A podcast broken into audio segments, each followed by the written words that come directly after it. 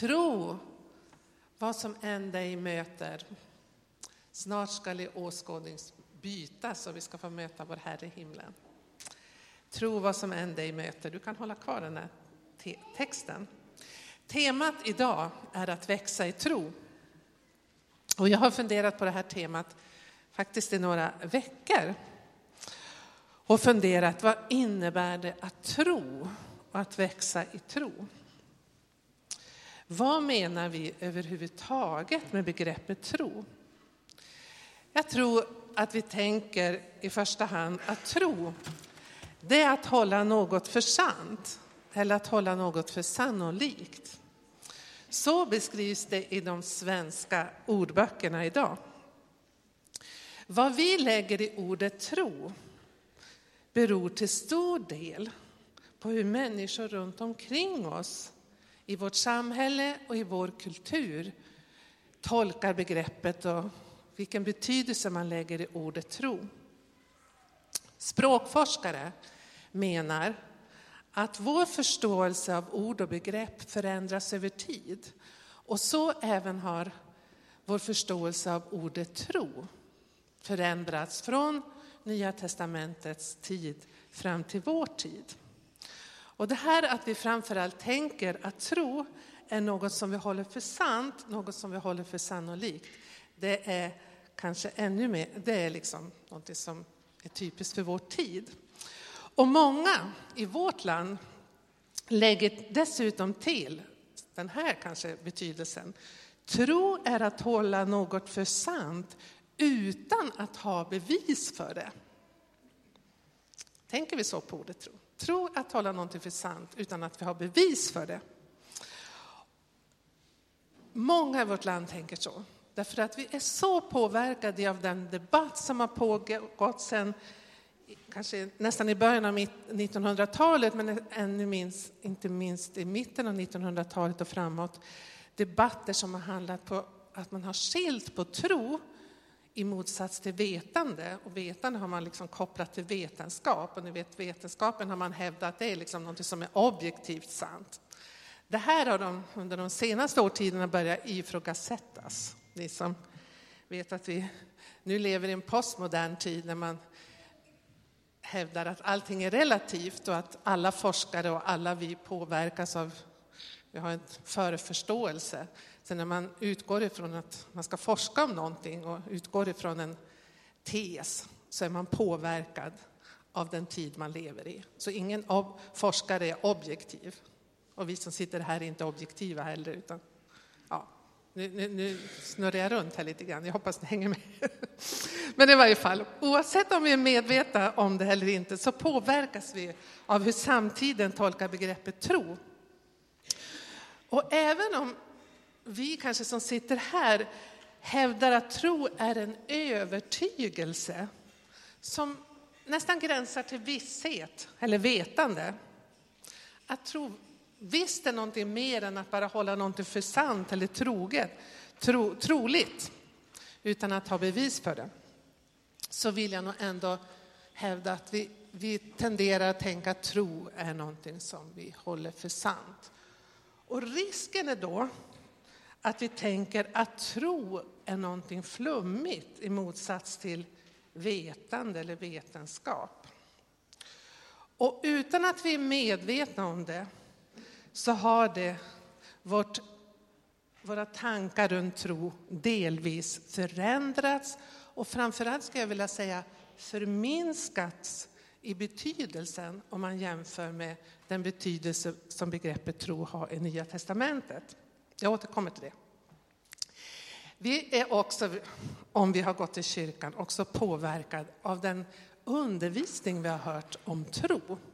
Och om du har levt i kyrkans värld så har du säkert kanske stött på predikanter som säger, har den här definitionen av tro. Tro stavas risk. Är det någon som har hört den? Är det bara en som räcker upp handen? Är det bara en enda? Ja, några stycken fler. Tro stavas risk. Och då hänvisar man till Petrus. Ni vet Petrus som när han ser Jesus kommer och gå på vattnet och Jesus säger kom till mig. Då, då är han den enda av lärjungarna som vågar stiga ur båten och gå Jesus till mötes på, på vattnet. Och så tänker vi att tro, det är precis som att vara som Petrus som vågar stiga ur båten. Du kan ju fundera på, vem eller vilka tänker du har en stark tro? Tänker på kristna. Vilken bild gör vi oss av människor som har stark tro? Jag tror att vi för det mesta tänker att det är människor som har en stark övertygelse om att Gud helar och upprättar människor även i vår tid och som frimodigt ber för sjuka och som kanske också ser under och tecken ske. Och det är ju, det är en stark tro.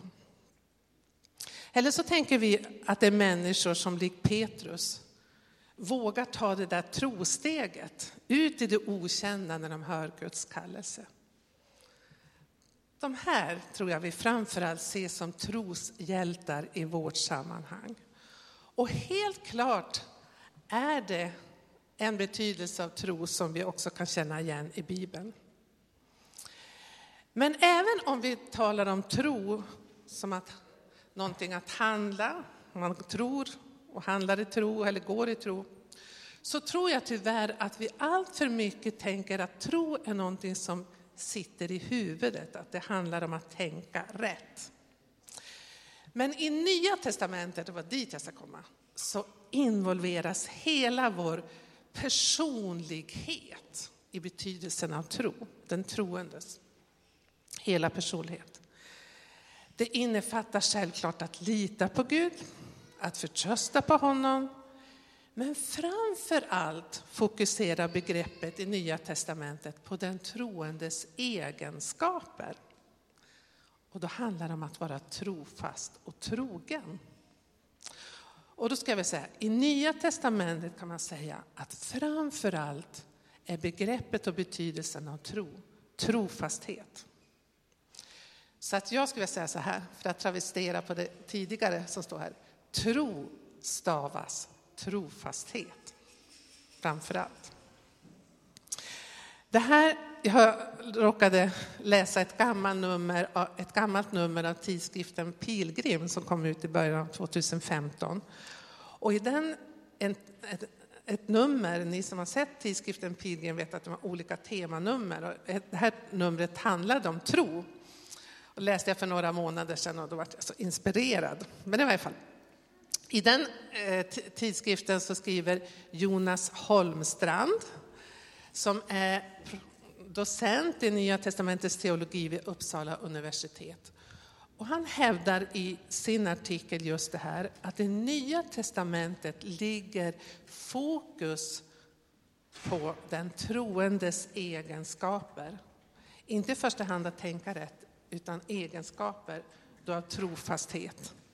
Och han skriver just det här, att tro på Gud innebär att ha avgjort sig för Gud och trofast och tillitsfullt hålla fast vid honom. Alltså tro är en livshållning. Någonting som påverkar vårt hand, våra handlingar, vårt sätt att leva. Hela vårt jag. Som flera av er vet så är ju Nya Testamentet ursprungligen skrivet på grekiska. Nya Testamentet. Och i våra svenska bibelöversättningar så översätter man grundtextens grekiska ord, alltså då, för tro som är pistevo, pistevei, pistevei i verbform. Det översätts nästan alltid med orden att tro på när människan är subjekt. Men det intressanta är det att det här ordet används även om Gud.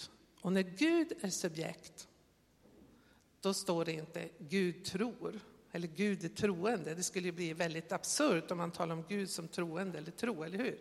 Nej, då står det att Gud är trofast, men det är samma ord i grundtexten.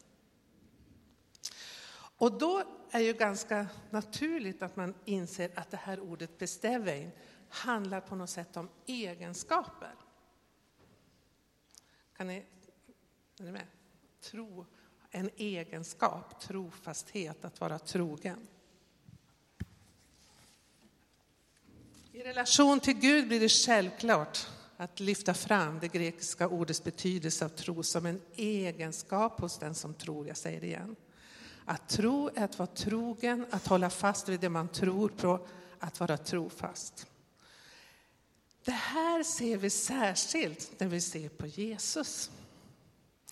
För det är också något som bibelforskarna har ja, skrivit lite grann funderingar och funderat runt och sagt så här. Kan man säga att Jesus var troende? Att Jesus trodde när han utförde sina kraftgärningar och sina under och tecken? Nej, men det kan man ju inte säga därför att Jesus visste att han själv var Gud. Han trodde ju inte på Gud, han var Gud. Men det man däremot väldigt tydligt ser, och det Bibeln vill framhålla, det är att Jesus var trogen sin kallelse, sin uppgift. Han var tro fast mot sin fader och han var trogen ända in till döden. På det sättet är Jesus en förebild för oss nu i sin trohet och i sin trofasthet. Framförallt. Om vi då börjar tänka på begreppet tro i första hand som trofasthet och trohet mot Gud, då vidgas vårt trosbegrepp till något som inte bara handlar om hur vi tänker, utan även hur vi lever i våra relationer till Gud och våra medmänniskor. Att tro på Gud involverar hela vår person, vårt tänkande, involverar vår kropp, våra händer, våra fötter. Tro, jag säger det igen, är en egenskap hos den som tror, ett förhållningssätt till Gud och livet. Vi har ju ett uttryck som säger så här, ehm, man röstar med fötterna, vi säger vi så? Jag tänkte på det, att man skulle kunna översätta och säga så här, vi tror med fötterna.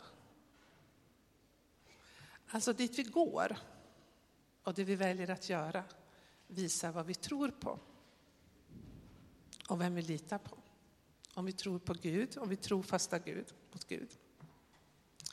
På medeltiden så tänkte man att tro var detsamma som en kristen dygd. Framförallt Thomas av Aquino som var en stor teolog som levde på 1200-talet har lyft fram tron som en dygd. Dygd är ett ord som vi nästan aldrig använder idag, men dygd handlar om goda vanor. Alltså man ser på tron som goda vanor som hjälper oss att tänka och handla kristet. Tron är en dygd, goda vanor som hjälper oss att handla kristet. Och Thomas av Aquino han kopplade samman tron med kärleken och hoppet. Tro, hopp och kärlek hör ihop. Om tro stavas trofasthet då är det ju också en av Andens frukter. Någonting som vi får i relation till Jesus Kristus. Vad innebär det då att växa i tro? Om tro framförallt handlar om trofasthet och trohet. Ja, då ska vi gå till Hebreerbrevet. Och trons kapitel som det kallas, det elfte kapitlet i Hebreerbrevet Jag ska först säga så här att Hebreerbrevet är skriven troligtvis, eller ganska säkert, av en judekristen, alltså en kristen som har kommit till tro på Jesus Kristus. Bibelforskarna är inte hundra procent säkra på vem som skrev Hebreerbrevet. Men i varje fall att det är skrivet av en judekristen och som är skrivet till kristna som har en judisk bakgrund. Och som är skrivet kanske på 70, 80, 90-talet när de som var judar och hade kommit till tro på Kristus mer och mer började uppleva motstånd från sina trosfränder. De blev uteslutna ur synagogan om de trodde att Jesus var Guds son. Och de kanske, deras släktingar tog avstånd från dem. De upplevde motstånd och förföljelse. Och hela Hebreerbrevet, om man överhuvudtaget ska förstå vad Hebreerbrevet handlar om så måste man inse att varför skrev Hebreerbrevets författare Hebreerbrevet? Jo, för att uppmuntra dessa judekristna att hålla fast vid Jesus Kristus och tron på honom, trots motstånd. ja, kanske till och med förföljelse. Så ord håll ut, håll fast är något som återkommer i Hebreerbrevet. Och om vi då kom, går till det elfte kapitlet, som man kallar trons kapitel, och som en enda lång uppräkning av troshjältar i Gamla Testamentet, då ska vi hålla, inse att varför räknar Hebreerbrevets författare upp dessa troshjältar? Jo, för att de är förebilder. De är förebilder för människor som höll fast vid Gud, både i medgång och i motgång. Och då går vi till de två första verserna jag läser. Ni, ni kommer inte få upp dem på väggen, men jag läser dem. Hebreerbrevet 11, vers 1 och 2, där står det så här. Tron är grunden för det vi hoppas på. Den ger oss visshet om det vi inte kan se. För sin tro fick fädernas Guds vittnesbörd. I tro förstår vi att världen har formats genom ett ord från Gud och det vi ser inte har blivit till ur något synligt. I tro tror vi att världen har formats genom ett tro, ett ord från Gud. Sen så räknar Hebreerbrevets författare upp olika människor i Gamla Testamentet. Han börjar med Abel, fortsätter med Henok, sen med Abraham. Ni vet Abraham som fick vänta väldigt, väldigt länge på att löftet skulle uppfyllas, löftet att han skulle få en son. Han höll nästan på att förtvivla, men till slut så fick han den här sonen Isak. Och sen blev Abraham utmanad av Gud att offra den här sonen som han hade väntat länge på. Men Abraham, han höll fast vid Gud hela tiden. Och han höll fast vid att Gud är så god så att, som det står här i Hebreerbrevet, att även om, om sonen skulle, han skulle vara tvungen att offra honom så trodde han att Gud hade möjlighet att uppväcka honom från de döda, att han skulle få honom tillbaka. Därför är han en trosbild. Och så fortsätter Hebreerbrevets författare att lyfta fram Mose som en trosförebild. Och så kommer han till vers 32. Vers 32 kapitel 11, där står det så här. Ni får lyssna. Behöver jag säga mer? Tiden räcker inte till för att jag ska kunna berätta om Gideon, Barak, Simson och Jefta, om David och Samuel och profeterna. Genom sin tro kunde de besegra kungariken, utöva rättfärdighet och få löftena uppfyllda. Lägg märke till att han säger de här människorna fick löftena uppfyllda som de hade förväntat sig av Gud. Det kunde täppa till lejonens gap, släcka rasande eld och undkomma svärdets ägg. De var svaga men blev starka och fick kraft i striden och jagade främmande herrar på flykten. Kvinnor fick sina döda tillbaka, från upp, eh, tillbaka uppståndna. Det här är ju som en uppräkning vad vi tänker troshjältar. De var framgångsrika, de fick sina löften uppfyllda, de eh, fick främmande herrar, jagade på flykten och så vidare. Men så fortsätter han. Andra torterades till döds när de vägrade att låta sig befrias eftersom de ville nå en bättre uppståndelse. Andra fick känna på hån och prygel, ja också bojor och fängelse. De blev stenade, söndersågade, stenade, söndersågade, avrättade med svärd. De gick omkring i fårskinn och gethudar, de led brist, förföljelse och misshandlades. Världen förtjänade inte att hysa dem. Den måste hålla till i ödemarker, bergstrakter, i grottor och jordhålor. Och så står det, ingen av dessa som genom sin tro hade fått Guds vittnesbörd fick se löftet uppfyllt, fyllas. Gud har bestämt något bättre åt oss och därför skall det uppnå fullkomlighet först tillsammans med oss. Ser ni att när Hebreerbrevets författare skulle räkna upp troshjältar som skulle liksom uppmuntra de kristna, de nykristna, judekristna att hålla fast vid sin tro på Jesus, så räknade han inte upp bara de som hade framgång i livet, utan också de som hade lidit förföljelse, misshandlat, torterats, blivit dödad, men som hela tiden höll fast vid Gud. Som var trogna ända in till döden. Och så kommer kapitel 12. som börjar När vi nu är omgivna av en sådan sky av vittnen, låt oss då även vi befria oss från allt som tynger, all synd som ansätter oss och hålla ut i det lopp som vi har framför oss. När vi tänker på de som har gått före, alla de här troshjältarna från Gamla Testamentet, men vi skulle också kunna räkna upp massor med troshjältar under de 2000 år som kyrk, den kristna kyrkan har funnits.